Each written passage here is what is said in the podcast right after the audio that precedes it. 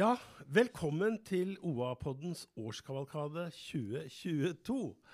Og i den neste sånn cirka timen så skal du få høre noen av de sakene som i hvert fall vi husker aller best fra det året vi snart har lagt bak oss. Og vi, det er samfunnsredaktør Stina Håkensbakken og meg, ansvarlig redaktør Erik Sønsterli. Ja, Stina, det har vært et begivenhetsrikt år. Eh, Iallfall ute i verden. Ja, det får en si. Ja. Eh, krigen i Ukraina er jo det første som, eh, som, faller meg inn når jeg tenker på det. Eh, den som skjedde da i februar, eh, og har ja, påvirka en hel verden. Og ikke minst også slått liksom innover Innlandet og Vest-Opplands bredder, hadde jeg nær sagt. Mm. Galopperende kraftpriser, eh, sjokkøkninger på drivstoffpriser. Vi har hatt nok å snakke om. Absolutt, og dette er noe alle er opptatt av, fordi det, alle kjenner på det på lommeboka.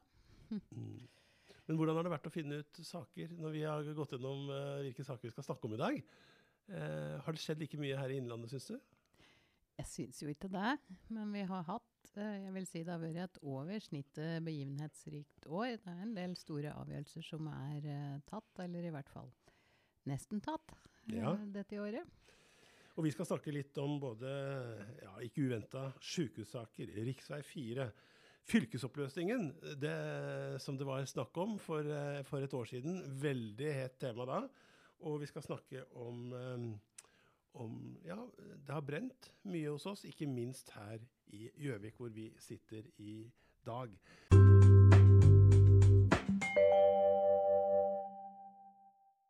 Ja, men la oss gå på kvartalet, Stina. Ta kvartal for kvartal.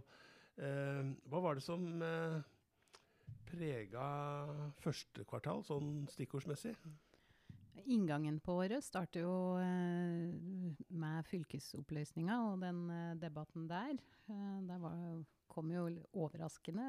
Noen har beskrevet det som et kupp før jul. At, at det Arbeiderpartiet trodde var enkeltskuring. At vi bare skulle bekrefte at Innlandet skulle bestå. Det, det ble uh, oppatlyst. Da var det en av disse gamle høvdingene, partihøvdingene fra, fra Gudbrandsdalen? Mm, Erik Winther. Han, der hadde det foregått ting i kulissa, anført av Senterpartiet, slik vi har forstått det, som hadde fått med seg den avgjørende stemmen for å få gjort en folkeavstemning, som da var Erik Winther. Vi hadde jo en sånn dokumentar hvor vi prøvde å gå inn i dette i etterkant, eh, og, og fant vel ut at, eh, at Senterpartiets hærfører Aud Hove og Erik Winther hadde snakka sammen i fjell... Jeg tror det var eh, ja, fjellstyret eh, som de sitter i, i et eller annet sted oppe i, der, hvor de bl.a. hadde snakka om dette. Eh, og, og, det kom litt overraskende på. Så her ble det enighet om at man skulle liksom ha folkeavstemning, og så skulle man spørre organisasjonene eh, og næringslivet i Innlandet, og så skulle man spørre de ansatte. Mm. Og dette blei vel noe av grunnen til at det ble kaos? Det var, eh, det var både kaos, men også eh, en heftig valgkamp, egentlig. Mm. ble mellom de forskjellige synspunkta her. Og vi skjønte jo at, uh, at det måtte ha vært vanskelig uh, å regjere sammen på fylkesnivå for Arbeiderpartiet og Senterpartiet uh, med, med, det utgangspunktet de hadde inn i denne debatten her. Da. Vi så jo Senterpartiet hadde jo helt klart ønske om å oppløse det, gå tilbake til de gamle fylka, mens Arbeiderpartiet ønsker å gi gass da, i den samfunnsutviklerrolla som fylkeskommunen skal ha. Mm. Så sier jeg ordet kaos fordi at det ble liksom eh, eh, Da valgets time kom, så var det en folkeavstemning som viste knapt flertall for eh, å løse opp eh, eh, fylket. Og så, eh, men så ville man da høre, valgte Arbeiderpartiet med én stemme, og også høre inn de andre elementene. da. Og det ble, opplevde vel mange som at man ikke respekterte liksom det hellige våpenet i, eh, i, det norske demokratiet. Eller he, ikke våpenet, da, men redskapet eller verktøyet som vi har i demokratiet, nemlig folkeavstemningen. folkeavstemningen ja. Det er jo egentlig et, et typisk eh, verktøy i populismen, dette her med folkeavstemninger. Fordi det er så, det er så lett, ikke sant? Og, og det blir eh, Spille på i nuet og utnytte følelser. Ja, og så alle har fått sagt sitt, og, og det er din egen feil hvis du ikke brukte stemmen din. Og, og det er liksom Jeg ser jo folk eh, Mange ønsker deg eh, mange typer spørsmål, egentlig. Men eh, Arbeiderpartiet kjørte jo en veldig bred prosess. De hadde jo representantskap, og det var jo da, da det møtet startet, den avstemninga som er grasrota i hele Innlandet, eh, skulle gi sine stemmer, så var, var jo ingen av de sida sikre på eh, resultatet av den avstemninga.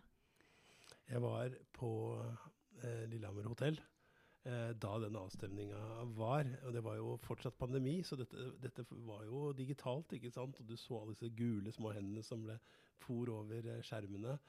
Og spenningen var helt til å ta og føle på. Og idet man hadde telt opp, og man så at det var da én stemmes overvalg, så brakk folk sammen i, i, gråt, enten i fortvilelse eller i, i, glede. Det var veldig spesielt å, å få være der som, eh, som pressens representant. Mm.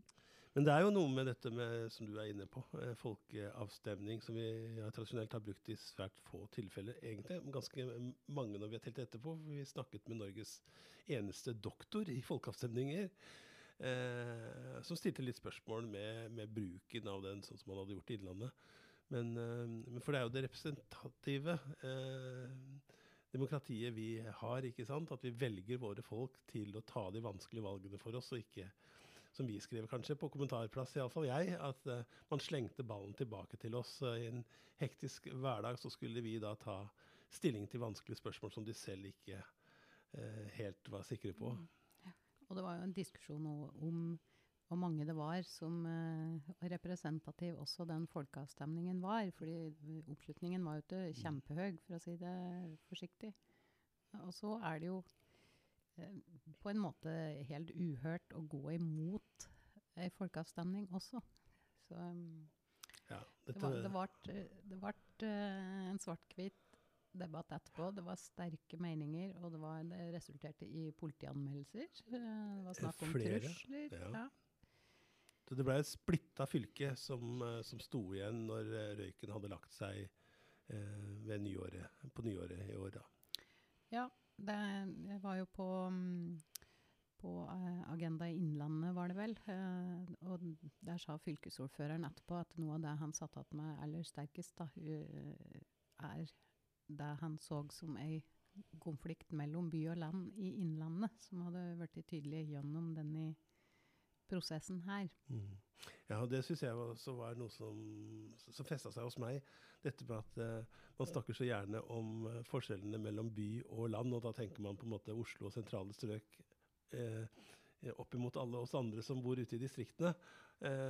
men her viste det seg jo veldig liksom at at det var eh, distriktene i Innlandet eh, eh, mot det sentrale strøkene i Mjøsområdet, hvis du kan si det sånn. Mm.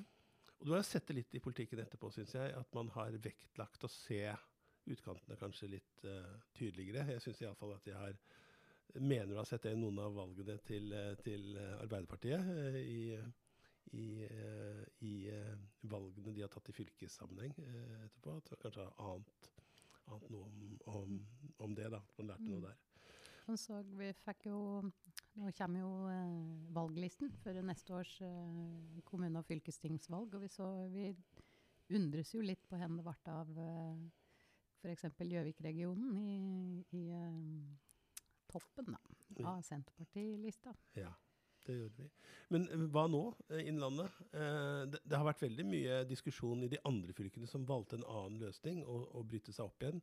At det har blitt kostbart. At det har vært ønsker om å på en måte slå sammen og ikke oppløse igjen disse, disse, alle disse organisasjonene og delene i, i det, det, fylket man hadde.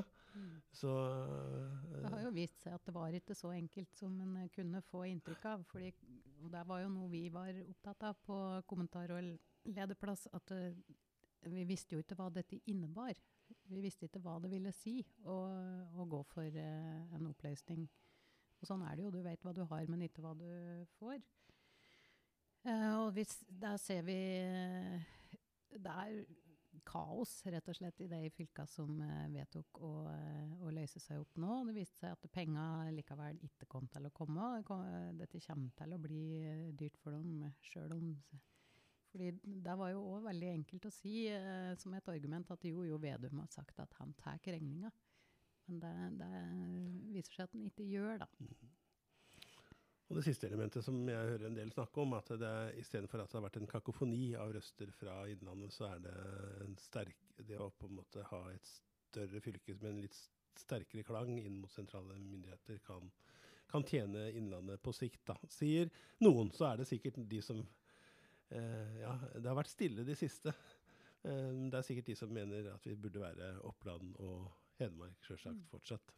Jeg tenker jo at Innlandet har at, ved at Innlandet slipper dette kaoset som de fylka som skal løse seg opp, står i, i nå, så har vi i hvert fall den eh, fordelen da, at vi kan bruke krafta på det fylkeskommunen skal drive med, i stedet for det organisatoriske. Og, og det trenger fylkeskommunen helt definitivt. Nå har vel de akkurat eh, vedtatt et budsjett som jo viser at det ikke blir mer penger å rutte med. Eh, så en må bruke det en har eh, smart.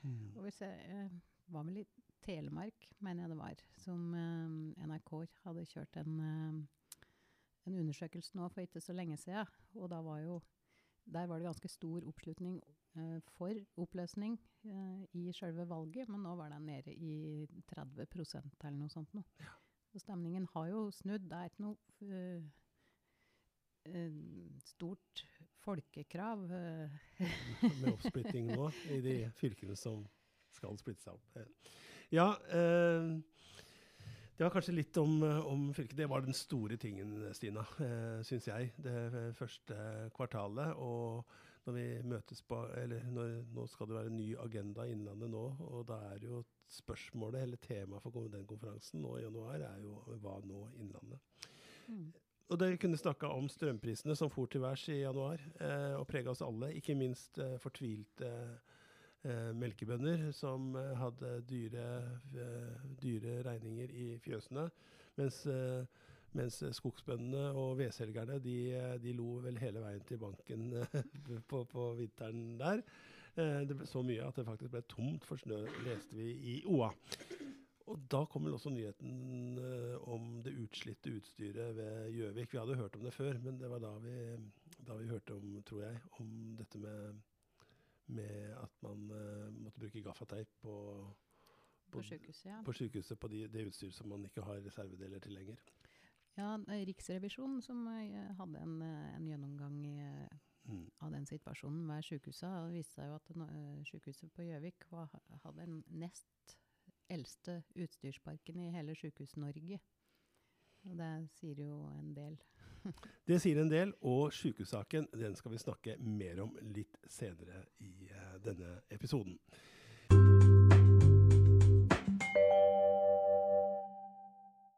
Eh, hva, eh, hva en annen sak eh, ja, ja, altså, En sak som eh, vi har jo- jobber mye med, har jo vært hjemmetjenestesaken i, i Vestre Toten. Eh, og i februar, hvis vi skal ta med det, i første kvartal så kom eh, granskningsrapporten fra Ernst og Young, som, eh, som var eh, vente lenge. Dette har jo du vært tett på. Hva kom fram i den rapporten? I den granskingsrapporten så kom det fram en rekke ting. Kritikk mot at man ikke hadde fulgt opp hjemmetjenesten på en god nok eh, måte. Og ikke minst de varslene som, eh, som da hadde kommet, og som jo starta på mange måter vårt søkelys i, i Oppland Arbeiderblad også, at vi fikk et anonymt Uh, en anonym bekymringsmelding som vi begynte å, å, å søke eller å undersøke. Uh, men, de, men de fant at uh, under tvil at de hadde, hadde i, gjort nok for at de var innenfor arbeidsmiljølovens bestemmelser for å følge opp et varsel. Og så var det del to i det, og det var om hvorvidt det var en, eh, en, en trygg varslingskultur, en trygg ytringskultur i kommunen. Og der viste jo uh, tallene at det var ganske veldig høye tall. Uh, for at det, at det, var ikke alle som følte det. At det, det fantes. så spesielt stor var den uroen, eller utryggheten, i hjemmetjenesten. Så var det den tredje tingen som handlet om, om, um, om varslingsrutiner. Om, om, de var godt kjent, om det var gode rutiner for det. Der sto Vestre Toten til stryk, sikkert ikke alene på, men det har skjedd mye på dette rundt om i Norge i de siste årene. Det er kommet på plass nå. Litt eh, debatt, ikke så mye debatt i Vestre Toten, men jeg ser den går andre steder. Og litt, eh, ja, man ser at man har valgt en slags mellomløsning, da, eh, sier våre, de forskerne som vi har snakka med om dette. Eh, og, så, eh, og, så de, og, så, ser du at tallene går ned på eh, medisinavvik og på antall arbeidsmiljøavvik. Og det er ikke så rart heller. Man har brukt mye penger på vikarer på sluttampen av året fikk vi jo mye styr rundt noen spanske vikarer og, og sånne ting. Men, men, ta, men det, tallene går, går ned, rette veien, da, kan du, kan du si. Og dette har nok sikkert vært en veldig tøff prosess for alle. Eh, selvsagt for, for eh, administrasjonen. Men jeg vil nå si, etter å ha fulgt den saken, at selvsagt også for de ansatte som opplever, slik jeg har forstått det, en god del av de mener vel det at de uh, føler at de ikke er blitt hørt. Uh, og at de er litt sånn oppgitte for at heller ikke avisa liksom uh, klarer At det, det, blir ikke orden på det når de går til avisa heller. men vi får se. Mm. Denne saken, når var det egentlig vi begynte å jobbe med den? Når var det de første varsla kom? Ja, det syns jeg er interessant. For den, de kom høsten, i starten av oktober 2020. Ja. Og de ble jo avvist av kommuneledelsen den gangen som et mm. problem.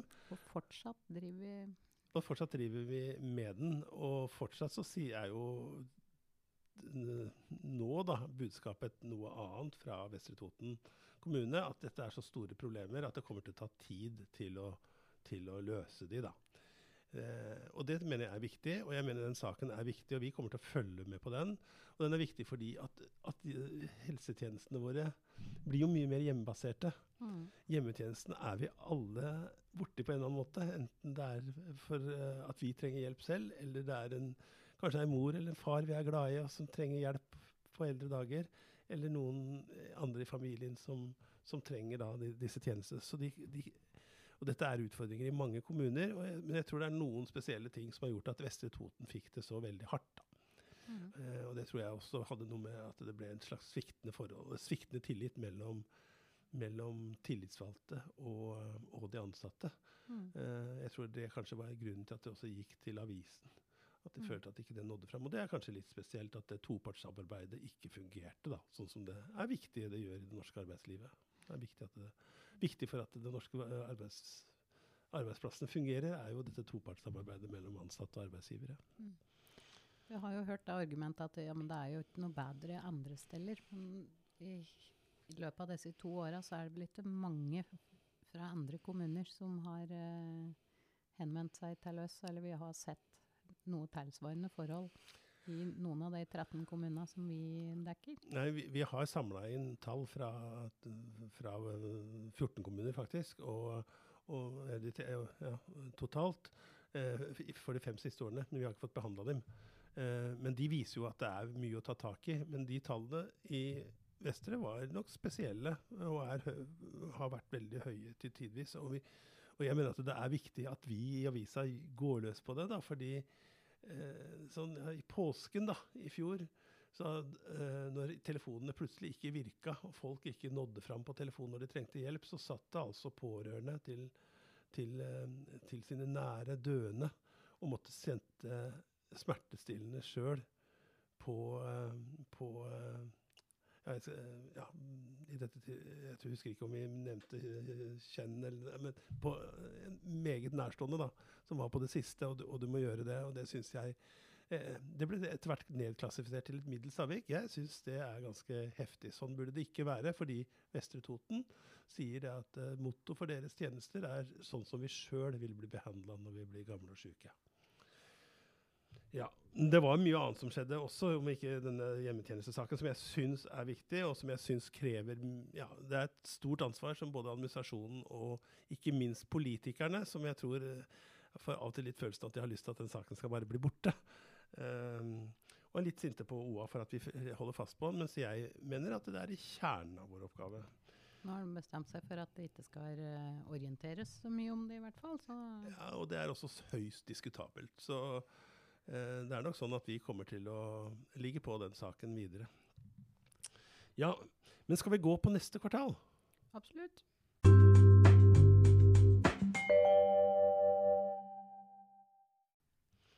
Eh, ja, kvartal to. den er Ja, da var da var vi liksom fra april til juli, da. Eh, jeg husker at vi var litt sånn tilbake til normalen med påsken. At det var i hvert fall 17. mai, når vi slapp å tenke så mye meter plutselig lenger. Meter og munnbind og, og folk kom tilbake på, på, jobb. Strømprisene fortsatte å uroe. Eh, noe ikke minst Skjalg Engbø i Hexagon Ragasko på Raufoss, var det ikke det? Han var, eh, han var ute i avisa og, og snakka om det. Og Uh, og eh, det har jo vært, det har vært tøft, dette med strømprisene har gått igjen i dag på, mm. for Raufoss-industrien. Ja, og det er jo store, store bedrifter som, uh, som har uh, strømpriser som Ja, de betaler jo mange hundre prosent mer i år mm. enn de gjorde i fjor. Var det ikke Dokka Fastners, som uh, hadde gått fra 6 til 20 millioner eller ja. noe i strømutgifter på, på, et år. Og det er klart, det, det har du ikke til høgde for når du driver og budsjetterer, og heller ikke når du har vært ute i som de, da, som uh, opererer på eksportmarkedet. Når du er ute og tilbyr produktene dine, så har du ikke kalkulert inn det i prisene dine. Så det, før eller senere blir det fryktelig vanskelig. Jeg var med eh, statsminister Jonas Gahr Støre eh, når han eh, besøkte Raufoss og fikk, fikk, en innføring i, i, disse utfordringene som vi nå snakker om, om strøm og kraft. Og, og frykten kanskje for, de, for enkelte av disse, disse, bedriftene som jo er eid av utenlandske, er på utenlandske hender, om at det er liksom bare et styrevedtak unna, så kan man flytte produksjonen. Eh, Støre hørte på med stort alvor. Og så er ikke alle uh, Jeg registrerte at i parken var det ikke mange som var fornøyd med den fastprisordningen som kom nå i november. Men jeg tenker litt mer på den andre store saken Raufoss-industrien har vært opptatt av, Stina. Ja, eh, rv. 4. Ja, den har du skrevet mye om. Å oh, gud, ja. jeg har også skrevet noe om, om dem. Eh, Eh, Raufoss Det har liksom vært å holde trykket oppe for denne, da. Men hva har skjedd i år? Og er vi, er vi noe nærmere en sammenhengende utbygging inn til Oslo? Eh, jeg tror ikke vi, Hvis vi skal regne i meter, så er vi ikke veldig mye nærmere. Men eh, det har jo skjedd noe. Eh, jeg tror eh, Bevisstheten om rv. 4 har i hvert fall endret seg de siste åra. Og det tror jeg har sammenheng med denne, denne tvisten i prioriteringa. At det skal regnes på samfunnsøkonomisk nytte, ikke bare prosjektkostnader, på en måte. Det førte jo til at Nye Veier mente rv. 4 var den mest samfunnsøkonomiske utbygginga vi kunne gjøre på hele Østlandet. Og Statens vegvesen konkluderte jo med det samme da de regnet på den måten. Uh, og nå har uh, Statens vegvesen uh, tatt et initiativ opp mot Oslo. Fordi Raufoss-industrien skal jo til Oslo, eller forbi Oslo. Mm.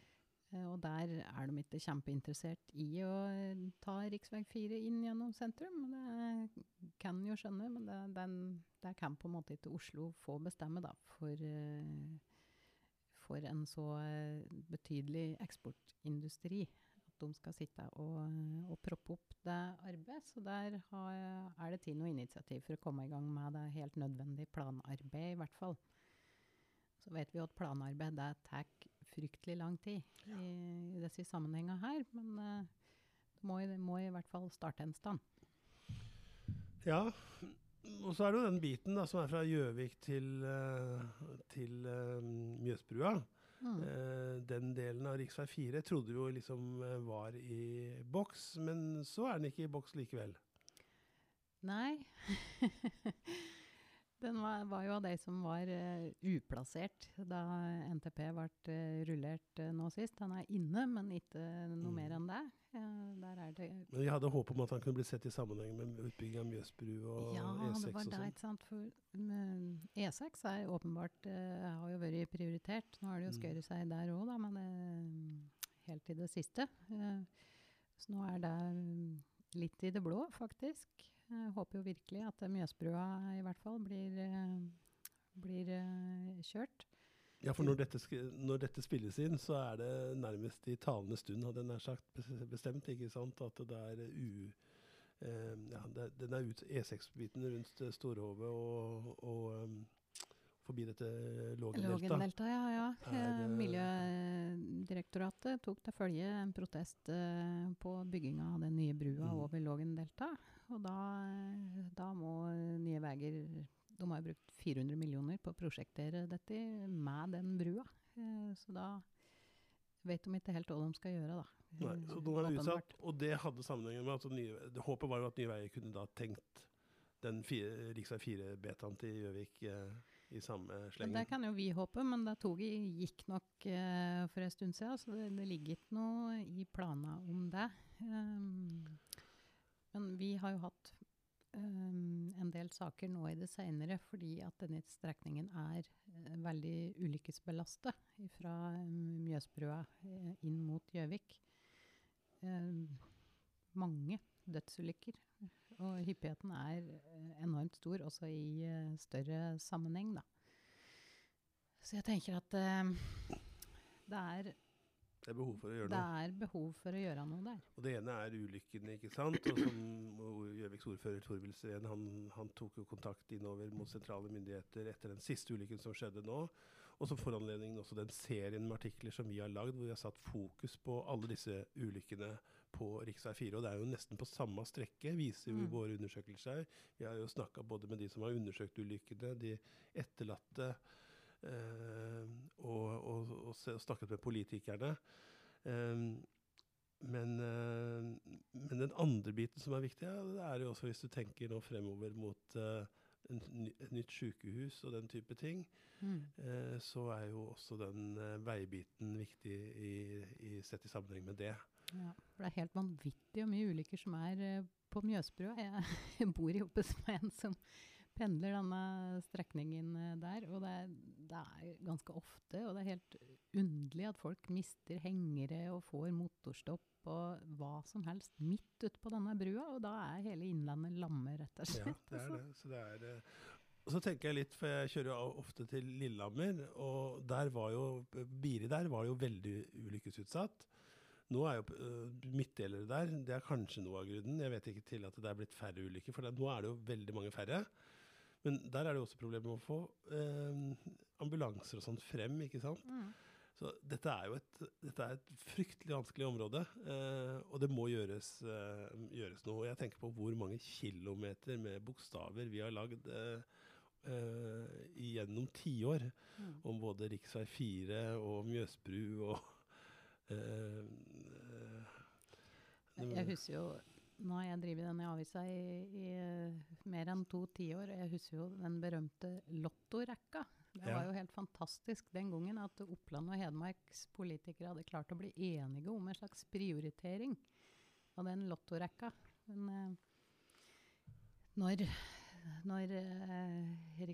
3 var det vel, og, og E6 er ferdig på Hamarsida, så er det liksom ikke igjen noe støtte til den delen av lottorekka som er på, i gamle Oppland. For den siste, for lottorekka var, ikke sant, bare for å gjenta for, Ja, nå husker jeg ikke riktig alle, men det var vel rv.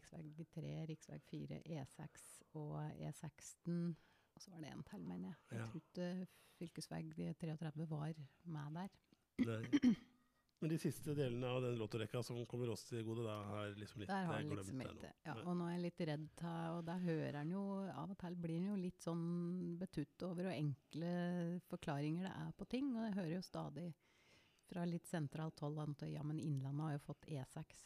Så Ja, sånn ser jo det sentrale med ja. politikerne eller fra andre Og hvis det er så enkelt at det ikke er eh, mulig å argumentere for eh, Ja, nei, da blir en jo litt svett. vi skal skrive mer om disse tingene, snakke mer om det. Eh, jeg haster litt videre, for eh, vi, eh, vi skal videre til det siste halvåret. Men, men tar med meg fart av det, Stina. Jeg vet at du ikke er så innmari interessert i fotball, men jeg var på Gjøvik stadion da, da Strømsgodset ble sendt hjem eh, med tap. Etter altså, en fantastisk kamp av Gjøvik-Lyn, og jeg syns det var så morsomt å få oppleve, for du kjente det liksom suste gjennom byen dagen etterpå. Eh, hvor, ja, liksom, den godfølelsen etter en, en, seier, liksom, i fotball. Eh, og, og, så, eh, og, så trengte de det, fordi det hadde vært mye støy eh, lenge. Og de hadde mista styrelederen sin, som eh, hadde gått av nærmest i protest, tror jeg, om stridbarheter rundt alkoholserveringer under fotballkamper og sånt. Eh, synd at man skal ødelegge så mye godt arbeid som er på gang. Det var vel det vi mente litt på kommentarplass. Eh, men, eh, men det var iallfall en fantastisk seier. Og så har vi jo eh, fulgt med Raufoss-fotball eh, òg. Vi skal jo ha en egen sportskavalkade. og den ivaretar jo Knut Befring eh, selvsagt langt bedre enn både du og jeg. Eh, eh, men, der får vi høre også litt mer om ba bakgrunnen og når Christian Johnsen gikk av, og, og, hva som er ambisjonene for neste år. Men eh, det får vel være første halvår, det, da. Det er så mye vi ikke har tatt opp, men kanskje de viktigste sakene nå er nevnt. Sommeren 2022, hvordan var den i år, Stina? Hva, hva er det som du husker nå helt på tampen, uh, når julefred og nyttårs, uh, nyttårsfeiringen står for døra? Jeg husker i hvert fall at noe som mangler. Eh, jeg har jo vokst opp nede ved Mjøsfjordkanten og, og er vant ved skibladner. Det, mm. det, er liksom en, en, helt nødvendig del av sommeren. Og skibladner kom utpå og fikk Det er seint? Ja, seint. Det, var sånn det var så dårlig, lite vann, var det ikke det? Husker du hvor Det var jo månelandskap ja, ja, langs Mjøsa. Ekstremt uh, Apropos strøm, så var det jo ja. veldig låg uh, vannstand i år. så det tok lang tid før den kom utpå. Og når den først kom i gang, så ble det havari mer eller mindre umiddelbart. Og et nytt et, tror jeg. Jeg tror det var to havarier, så vidt jeg husker. Fordi det, Stina, at du, ja, du sier at du er vokst opp i strandkanten, og det er det jo virkelig. Eh, eh, men jeg tror at alle eh, som lever i denne regionen, har et forhold til, til skipladner. Eh, og det så vi bokstavelig talt da den gamle tanten, som vi kalte henne, eh, fikk vondt i knærne. Eller eh, at at det, var litt stive ledd og ting som ikke fungerte helt som det skulle. Fordi vi sendte jo direkte. Det var jo drama når skipladningen ikke kom utpå. Og folk strømma til og så de sendingene våre. Det, skulle, det, var ikke, det var nesten ingenting som kunne konkurrere. Det slo i hvert fall helt klart ut en middelmådig eh, fotballkamp fra enten det er Nammo eller fra Gjøvik stadion. Eh, og så er det så synd, fordi Gjøvik, Skiblander eh, har jo fortsatt ikke fått tatt ut det potensialet som lå i, i skibladet minutt for minutt. Mm. Det, og det var liksom, Jeg husker, husker, så godt den stemningen. Nå skulle vi virkelig eh, Skiblander trekke folk til Innlandet. Og så kom eh, pandemien, og pandemien fortsatte. Og eh, så fikk du denne sesongen her der du kunne kjøre for fullt. Og da, da sa det bare pang, rett og slett. I stedet for de 20 000, mener jeg det var, cirka, besøkende de hadde håpet på, så ble det 1000. Ja. Og så ble det da tiggerferd, hadde jeg nær sagt, eller iallfall dugnader og pengeinnsamlinger for å hjelpe skipladner. Og det ble sikkert noen skyttelturer til Oslo og iallfall noen søknader og håp om å få penger eh, på statsbudsjettet i en litt annen og større beløp enn det man har sett til nå. da. Men så Ja, på mange måter krigen i Ukraina har vel sikkert uh, bidratt til det også. For det har vært, vært uh, smalhans i statsbudsjettet også her, da. Det er det. Men denne, eller før helga, Mm. Eh, så kom det faktisk en telefon fra kulturministeren eh, som hadde grøvet gift i, i, lomma og funnet en million til Skiblander. Det var bra. Av, ja, ja. ekstreme forhold. Det er jo tross alt kulturhistorie, dette her, som farter rundt. eh, Men, men du, eh, når du har eh, gått ned i vannkanten i Mjøsa der, sett denne flotte, hvite, nydelige farkosten skli stille forbi en vakker soldag, da. Hva er det med skipladner for oss? Hva, hva, hva, hva betyr det for oss, liksom? Nei, der jeg kommer fra, så var det jo Eller når jeg vokste opp, Ja. så kom jo skiblander innom Ponningbrygga to ganger om dagen. Du kunne, du kunne reise til Hamar om morgenen og komme igjen om kvelden. Uh, så det var noe eksotisk, og det var veldig mye busslaster med turister som gikk uh, på å ta der.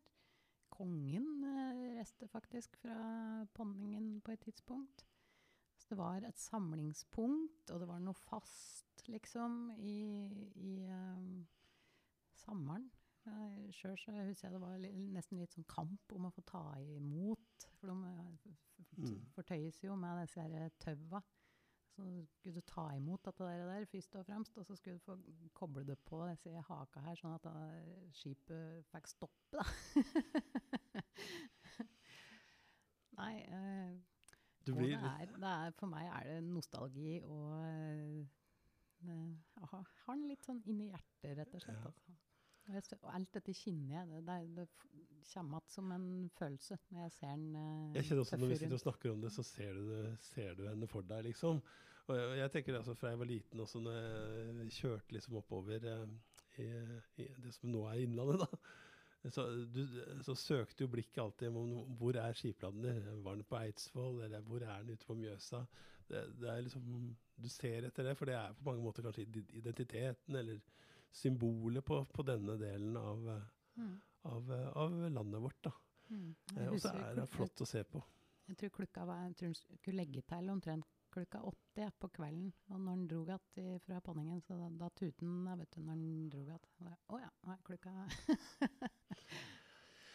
Ett håp har jeg for 23, og det er at uh, Skiplander kommer uh, som den skal ut og får en kjempegod uh, sesong på, på Mjøsa, og at vi kan nyte synet av, av en solrike dager liksom, eh, på, mot, mot den liksom mm. blå Mjøsoverflata. Du- Altså, jeg husker en ting til også, eh, helt i den andre skalaen. Men det var eh, den i bikkja hos eh, ordføreren på Vestre ja, Toten. Det er en av de mest eh, for oss morsomme. helt sikkert ikke om Stian Olafsen, ordføreren i Vestre Toten, må unnskylde oss. Det var sikkert ikke så morsomt når Ja, du får dra i historia du, kanskje? Nei, Helt korte trekk, så han hadde vel fått seg valp. Veldig søt valp. Og valper gjør jo mye rart. og de et alt de kommer over. og den bikkja hadde da eti opp eh, passet til eh, ordføreren, som, skulle, som er en veldig stor Elvis-fan, entusiast, og nå endelig skulle da til USA. Til Graceland, Elvis sitt hjem. ja. Og akkurat i år så vet vi jo, eller vi som eh, skulle ut av landet, vi vet jo hvor vanskelig det var å få seg et nytt pass i sommer. Så da, da følte jeg litt med han også. Ja, det gjorde jeg også. Vi intervjua han jo i OA-podden. Da var han uh, fortvila. Hadde egentlig ikke fått opp noe plan B. Eh, hvordan han skulle, for da, Jeg tror det var under tre uker til han skulle reise. og og det var listen, venteliste var atskillig lenger enn det. Så Og det var så strengt med nødpass òg, vet Ja, du. Det var, det holdt ikke at du kom liksom og så at bikkja di hadde spist den opp. det Det. var en blodslinje som gjaldt. Ja, ja.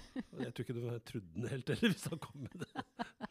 Men, eh, men jeg vet, jeg snakka med Stian Olafsen eh, for en måneds tid siden, og da spurte jeg han faktisk om han hadde kommet seg til USA, og da så han på meg, og så sa han ja, det gikk akkurat. Ja. Eh, annet i sommer som jeg husker, var, eh, var en Det var også en fin sommerdag. Uh, og jeg skulle til Valdres på å nyte herlige Valdres, og vi skulle gå i fjellet. Uh, og der var det også et nederlandsk følge, uh, og, de og der var det en kvinne, en yogalærerinne, veldig kjent i Nederland, som har elska Norge, hadde etablert seg på en fjellgård oppe i Heidalen eh, med yogasenter. Hadde nettopp hatt liksom, første senter og var, liksom, tatt med seg liksom, de, de som var sammen og, le og leda det, skulle vise den norske fjellheimen. Og så falt hun ned fra Mefjell og mista livet. Eh, god turistsesong, men, men veldig tragisk for, for Valdres, selvsagt, når, det, når dette skjedde. da. Eh, og det dekte, dekka vi. Når, eh, du kommer inn på sånne historier, så, så er ja, det er veldig tragisk. Men heldigvis så er det tatt i betraktning så mange turister som det er, da, så er det heldigvis nokså sjelden at det skjer, det skjer, så alvorlige ting. Jeg husker den så veldig godt fordi eh, vi gikk på Tanfjell, og en i følge hos oss eh, falt også stygt og ødela, ødela armen sin komplisert. da. Så det var liksom i helga for Vi gjorde oss ferdig med ulykkene i, i, i Beitostølen-området da. Eh, ja, Anna, da? Eh, skyhøye drivstoffpriser. Ja, det var dyrt å kjøre båt. Ja, det hadde vi et stort oppslag og Det er også en av årets mest leste saker. Hvor dyrt det var for dette ekteparet som elska å være på Mjøsa, og som, som tok båten uh, sin. Fylte den opp med Er det bensin eller diesel i sånne båter? Det er bensin. Nei, diesel er det. Det er diesel fordi at Vazelina Bilopphuggers, som også avslutta i år med et fylle Spektrum tre ganger, de synger jo om diesellukt. Uh, det beste i livet er gratis. Mm. Men iallfall, jeg tror det var over 1000 kroner. jeg. For en tank? Ja. ja det, det, jeg tror det var mye over 1000 kroner også for å komme seg til, uh, til, uh, til Lillehammer.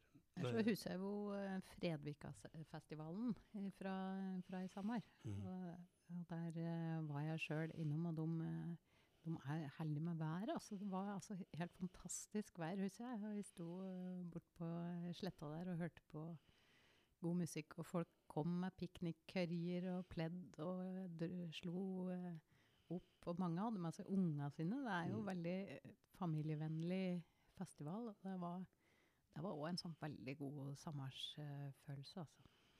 Og så var det godt å kjenne at uh, være i urbane telt igjen, og mm. på vanlig måte. Uh, og se um, urbane folde seg ut. Og de er jo på Chateau Neuf nå på nyåret. På nyåret. Og Sommerslager uh, var en god sesong for, tror jeg. Og så må jeg si at jeg sjøl var, selv om det er kanskje som du sier, at det er veldig mange eh, fra Asker og Bærum som går i norrøna-utstyr oppe, oppe, på, på Vinjerock, så må jeg si at jeg er veldig veldig glad i den festivalen og hadde mye å gjøre med dem i år. Eh, og den er jo utsolgt bare på noen minutter. Eh, og har en veldig sånn ja, det er jo toppnavn, men det er også mye annet. Og det er mange sjangere, fra, fra fele og folk, folkemusikk til, til, pop og rock, liksom. Mm. Så jeg må si at det, hva, hva, man har fått til der oppe, eh, det syns jeg det står også stor respekt for. Altså, jeg, kjenner, jeg kjente det veldig på festivalstemningen i forbindelse med mm. det, da. Operafestivalen var oh. en stor uh, suksess i år. Ja, og den gleder jeg meg til å se nå, og håper at de klarer på en måte å ta den litt videre. Jeg trilla en terningkast seks lett som bare det da jeg var der nå i, i uh, sommer. Og det var jo egentlig en litt sånn nedtona versjon, fordi det hadde vært pandemi, og, og man var litt usikker på om folk kom tilbake. Men for et lag hun samler, hun Eli Kristine Hansveen. og og så fantastisk de uh, hele dette konseptet som de har fått til der nede. Så jeg gleder meg til en, uh, til en ny opplevelse nede i Røykvika, der. Mm. Jeg vet det var en del, en del av disse store tinga eh, har jo gått bra, men det var enkeltarrangementer uh, som sleit veldig. Og konsertserier på Kafka f.eks. mener jeg vi hadde en sak om at, at det var du er jo avhengig av å selge en del eh, billetter, ikke sant. Mm. Men uh, at det har skjedd noe med folks vaner, da. Både at de uh, ikke, um, ikke kjøper billetter like tidlig som de gjorde før, og at flere er vanskeligere å få ut. Det var vel, var på vel Turboneger som ble avlyst på Hovdetoppen, mener jeg. Ja, og, og, det var ikke så veldig mange som var der når vår egen Anna Lotterud, Anna North, som uh, som var der og åpna sesongen til Steffen Hellum og folka rundt han eh, på Hovdetoppen. Men når vi sitter og snakker, så fy søren hvor mye fantastiske kulturtilbud vi har, da. Mm. Eh, og vi kunne fortsatt å snakke med dem, men du, nå går klokka noe innmari. Ja. Eh, skal vi si at det var eh, sommeren? Sommeren, ja. ja.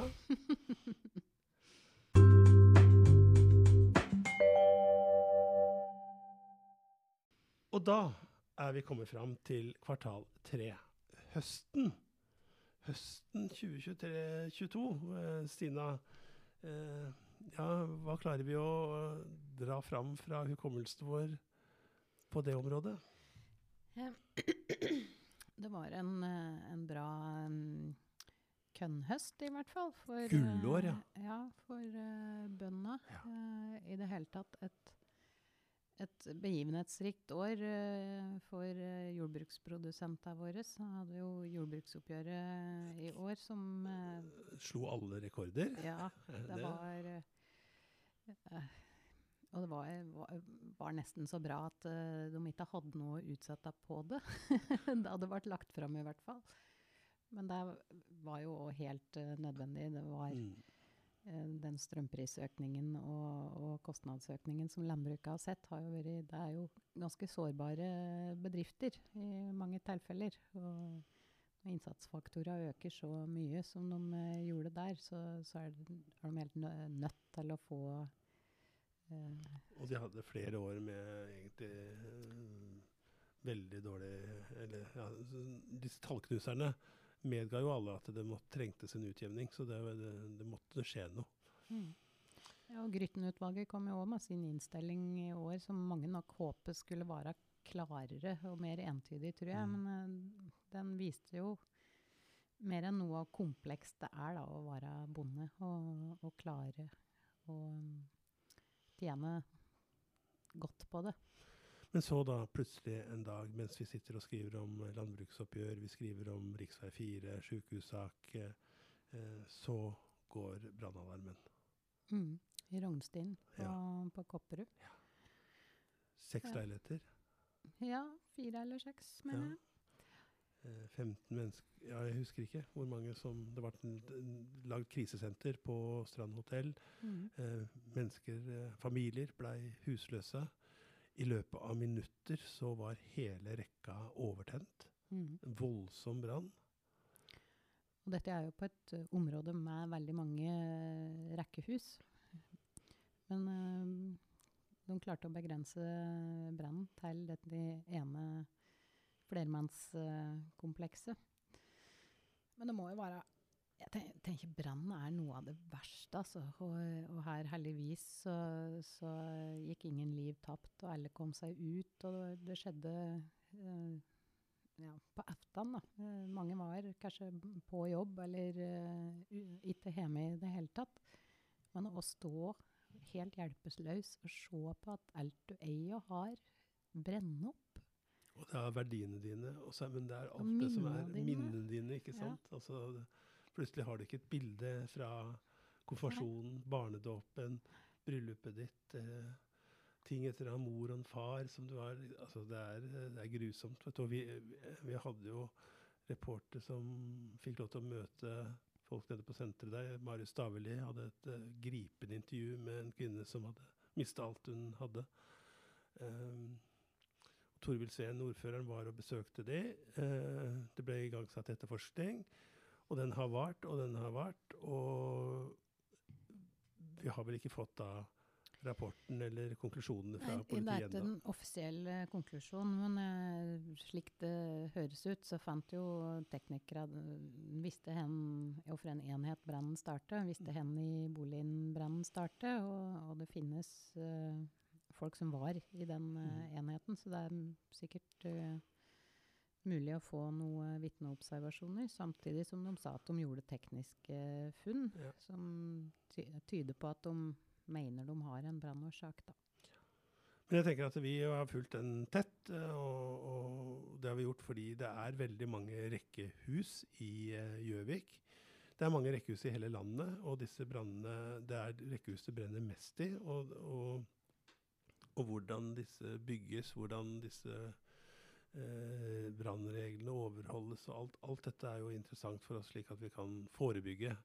Eller, Mm. eh, eller forsøke å få ned tallene på disse, disse brannene. Vi hadde jo en stygg brann nå seinere på år også i Gjøvik. Mm. Så det er noe av det jeg husker aller mest. Altså disse bildene av disse voldsomme flammene og, Mm. og disse menneskene som, eh, som hadde mista alt de hadde. Da. Og når slikt skjer, så blir det jo det, Jeg vet at det er veldig trøkk på både brannvesenet og um, boligbyggelaget for um, å få uh, branntilsyn hos seg, for å få en gjennomgang av åssen Om det er noe tiltak beboere kan gjøre, eller borettslagene kan gjøre, for å hindre at det sprer seg så enormt og kan skape et slikt omfang som vi så her. da. Mm.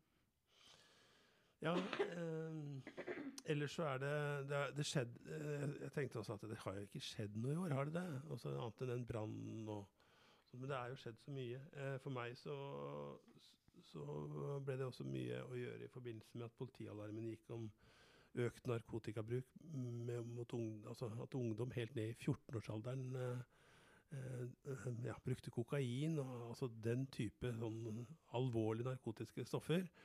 Og vi fikk jo disse nyhetene om store fester og hvor politiet kom over uh, unge ja, tenåringer som holdt på å miste livet, rett og slett, fordi de var ruspåvirka.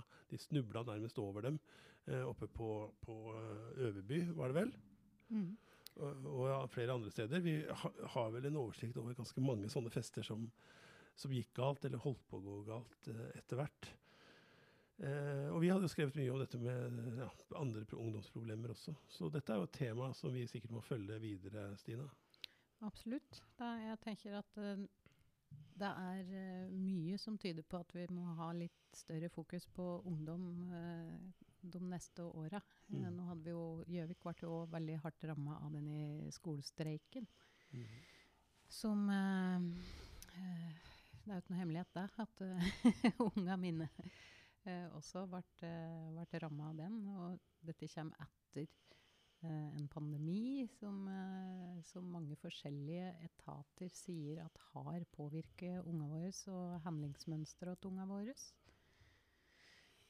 Og køen inn til BUP har vi jo skrevet masse om. At det har vært eh, voldsomt eh, problem i Sykehuset Innlandet i, i, hele år. Mm. Og vi ser jo at skolen ikke blir jo ikke høyt prioritert. På Østre Toten var det vel mye var forslaget?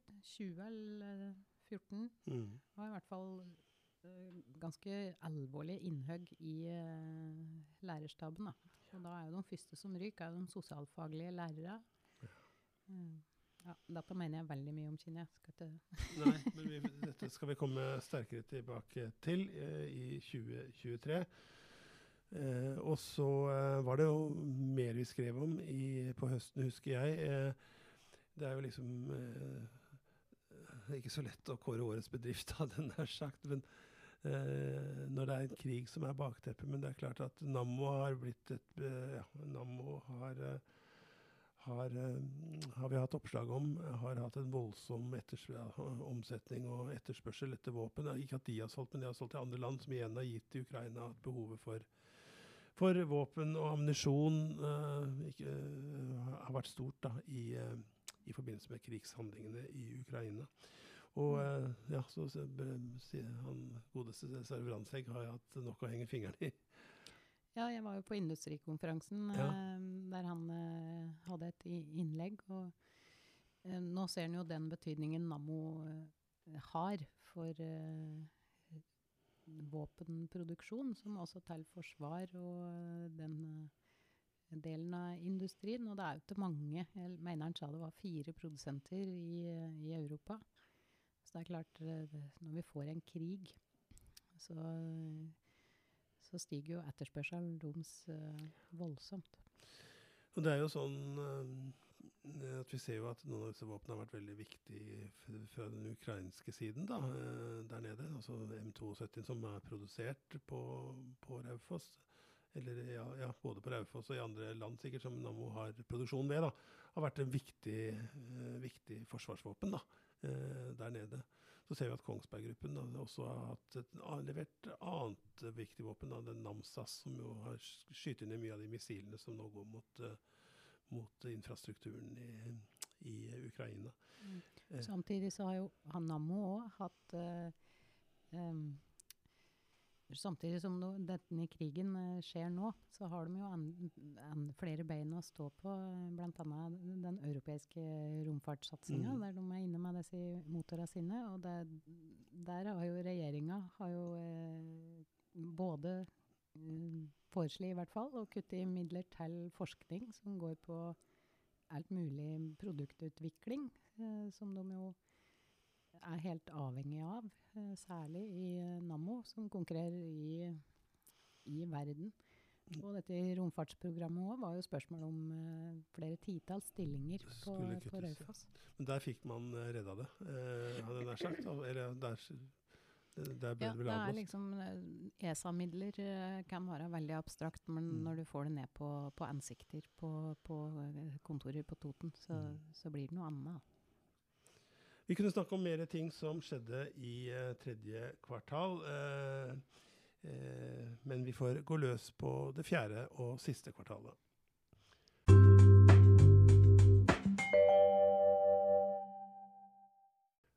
Det siste kvartalet 2022, det jeg husker best, eh, Stina, det er, eh, må jeg medgi, er det vi har internt på huset her kalt kattesaken.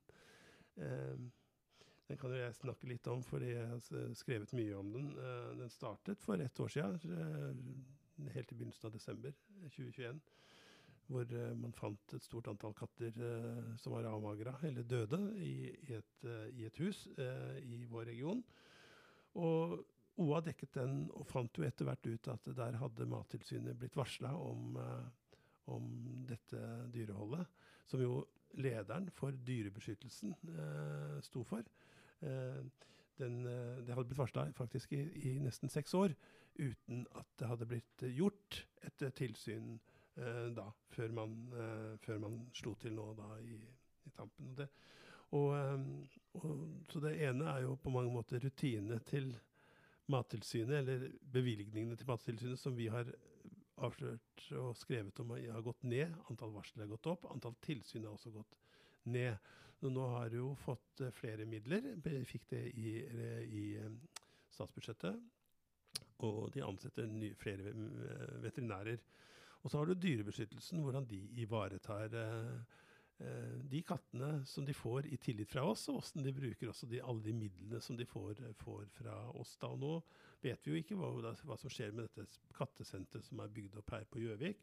Og vi vet at det er etablert et, eh, en, et, et, eh, nytt sånn kattenes Jeg husker ikke hva det heter, Kattenes venner eller noe sånt, noe, som Evy Haugen og andre kattevenner i vår region har, har lagd for å ta seg av alle disse eh, kattene som, som eh, trenger, trenger hjelp. Det var jo en, en rettssak som vi så leserne var veldig opptatt av, egentlig. Eh, eh, nå, og hun er, eh, ble dømt i tingretten til seks måneders fengsel. Ubetinget. Eh, men saken er anket, så den er ikke en rettskraftig eh, dom. Og hun, hun har ment at eh, hun hadde holdt på det, men at det ble vanskelig liksom, pga. pandemien, og at hun hadde, hadde slått seg da, og ikke fått tatt seg av den siste tiden før dette ble avdekket. Eh, ja eh, Nå på slutten av ta- ta- tampen av året så husker jeg at Ingvild Flugstad Østberg er tilbake. Det blir spennende å følge henne. Men det er jo én sak som vi kanskje kan bruke det siste halvkvartalet på, hvis det ikke er noe annet du, du kommer på enn en, en sjukehussaken, sjølsagt. Eh, den er det jo også skrevet utrolig mye om. Og jeg husker at Hurdalsplattformen så kom plutselig en setning som, som vi er vant til skal være liksom i bruk, bruksanvisningen, hadde jeg nær sagt, fra departementet ved sykehusutbygging, kom inn i Hurdalsplattformen. Det tok jo uh, mange eh, så, så, som et uh, varsel om at uh, nå var sykehusomkampen på en måte i gang. Og du var jo en av de da. Du la deg jo på telefonen og eh, ringte vel ned det som var av statssekretærer, departementsråder og, og til slutt eh, selveste statsråden, så vidt jeg husker. Ja, det, det var en litt sånn surrealistisk reise. Men det var vel eh, Jeg tror det startet med ordbruken eller ordlyden i eh, mandatet for de uh, utredninga som skulle gjøres. Og det startet jo på starten av året, faktisk, det der. Men i, eh, i et eh, politisk eh, referansemøte, var det vel, så var det, det bakteppet er sånn ikke sant, at det der det er mange, Noen vil ha fire sykehus, eller sykehusstrukturen sånn som den er. ja. Slagsvold Vedum, Senterpartilederen og finansministeren har vel egentlig sagt bare at eh, slapp av, Elverum skal bestå, og, Ja. og ikke hør på de i Det Helse Sør-Øst. med sykehus på Hamar. Ja, ja. Det, det var liksom bakteppet for at dette gikk i gang, da. Ja. Unnskyld at jeg avbrøt. Ja, så er det jo eh, hele denne mistenksomheten i prosessen som har kommet etter at eh, Helse Sør-Øst plutselig kom opp med Brumunddalen som et Mm. eh, alternativ, da de skulle utrede hva som var best av Biri og Moelv. Men i hvert fall, så dette startet opp igjen da det kom i, i et møte der, der alle oppfatter prosjektledelsen slik at det de skulle utrede, var to likeverdige alternativer. At den modellen som, som styret hadde egentlig da allerede gått inn for med Mjøssykehuset. At uh, referansealternativet skulle være et likeverdig alternativ. Og jeg husker dette veldig godt, for jeg var egentlig på, på BI. jeg har prøvd å gå litt på skolen igjen. Den dagen satt jeg stort sett uh, i telefonen og pratet med folk uh, om retorikk. Da. Og da mm, fikk jeg til slutt da svar at, uh, at jeg de ikke hadde ment det slik. De hadde ment at det skulle være to likeverdige utredninger. Men allikevel, altså, dette skapte veldig stor uh, usikkerhet og uh, fyrte opp under den mistenksomheten som har vært hele veien. Men du fikk nå iallfall intervju med Kjerkol. Eh, det ble pressa fram egentlig på mange måter, slik jeg ser det, at Støstad spurte altså stortingsrepresentant Rune Støstad fra eh, Oppland valgkrets da, eh, stilte spørsmål, og, og, og dette kom litt sånn på plass igjen. Og så kom jo etter hvert eh, vedtaket om, ja, om at det skal ligge ved, ved Mjøsbrua. Da, men, men hvor står saken akkurat nå? Ved inngangen til et nytt år, Stina? Åh, ja, det er fortsatt Kortversjonen, takk. Nei, ehm, nå er det jo egentlig vedtatt av uh, Helse Sør-Øst at uh, vi skal gå for Mjøssykehusmodellen. Og så skal dette i dag uh, bærsignes av eh, statsråden i eh, foretaksmøte. Og da den muligheten var der, så valgte hun å be om ytterligere eh, et par tilleggsmomenter da, som skulle utredes før, eh, før det ble gjort noe endelig vedtak i saken. Og den eh, utredningen foregår nå eh, i 110. eh, skal leveres innen 10. mars, mener jeg det er. Og det handler om noe som egentlig skulle utredes i neste steg av prosessen. handler om, Fordi vi har bremsa fullstendig på i økonomien, som vi har vært inne på, av alle mulige årsaker. Så ser de på muligheten for å ta ned engangskostnaden, på en måte, da. Eh, med mulig trinnvis utbygging.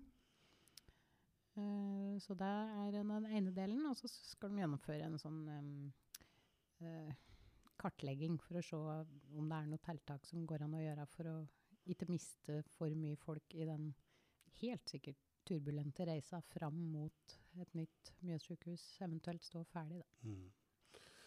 For det, dette handler om at det skal spares også for å kunne investeres. Og så og så er, det- er vi litt påvirka av det som skjer i Oslo, sjølsagt. Eller? Vi er i hvert fall kjemperedd for det. Og det er Der skal det bygges nye sykehus. Der skal det bygges nye sykehus, og der eh, er det jo sagt eh, Prislappen har jo økt og økt og økt, eh, og dette er jo massivt med to nye sykehus. Så nå mener, med buffer, så mener Oslo universitetssykehus at en må ta høgde for 50 milliarder kroner. Det er klart, Da skal du spare inn en del driftsmessig eh, for å betale deg òg, hvis du i det hele tatt får, eh, får betalt investeringa. Så det er, frykten er jo at dette skal gå utover det, de penga som Sykehuset Innlandet har i den familiebanken som Helse Sør-Øst eh, er, da. Der vi har spart opp egenkapital til vår egen investering i Innlandet. Mm. Men dette har eh, Dette er adressert. Vi har spurt om det, politikere har spurt om det. Og hver gang så sier styrelederen og eh, administrerende i Helse Sør-Øst at uh, slapp av, de penga fra Innlandet er det ingen som kan røre. Og da kjenner jeg at uh, vi, vi kommer ikke lenger, liksom. Nei. Det er, Det er ingen andre som kan forsikre om at de penga er sikre. Nei. Og i mellomtida så går debattene videre i alle Facebook-grupper. Jeg så eh, det er bevegelse både på Hamar-sida, ha, ja, vi som er for sjukehuset i Hamar, eller hva den heter. Og jeg så også i det som er for null pluss-alternativ, da, altså den, den gruppa som Finn Olav Roliggjorde eh, er moderator for, som jeg ser det så seint som som i går kveld, så, så, så kikka jeg litt der at der var det en ordveksling mellom, mellom Håvard Njo og, og Finn Olav Roliggjorde.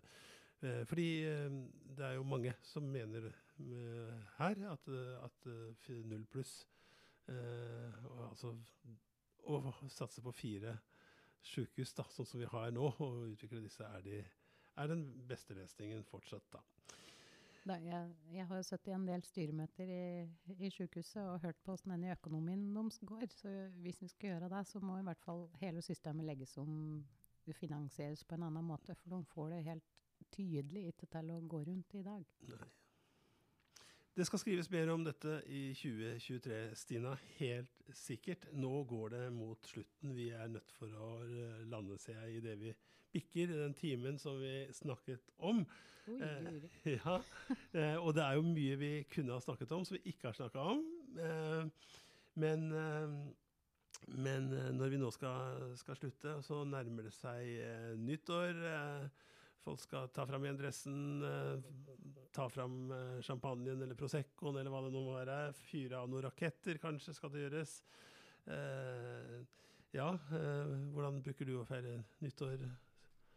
På fest eller stille og rolig? Nei, det er stort sett stille og rolig Ja. med, med unger og god mat og gode venner. Ja. Jeg skal på ja, Det er jo ikke så mye fest lenger. Det det, altså jeg har vært sammen med den samme gjengen siden jeg var eh, 15 år, tror jeg.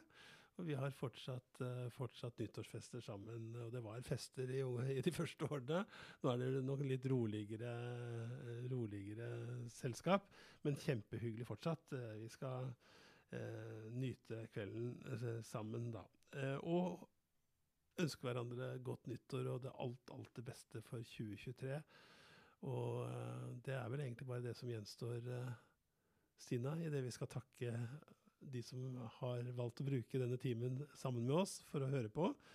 Eh, og, så, får vi bare si sammen, til alle sammen, godt nytt år. Godt nyttår. Så glemte vi å si det som eh, vår eh, video- og podkastansvarlige Marte Stenberg alltid minner oss om. Og det er å si at denne podkasten er eh, fra Oppland Arbeiderblad, og ansvarlig redaktør er Erik Sønsterli. sånn, da får vi ikke skjenn for dette.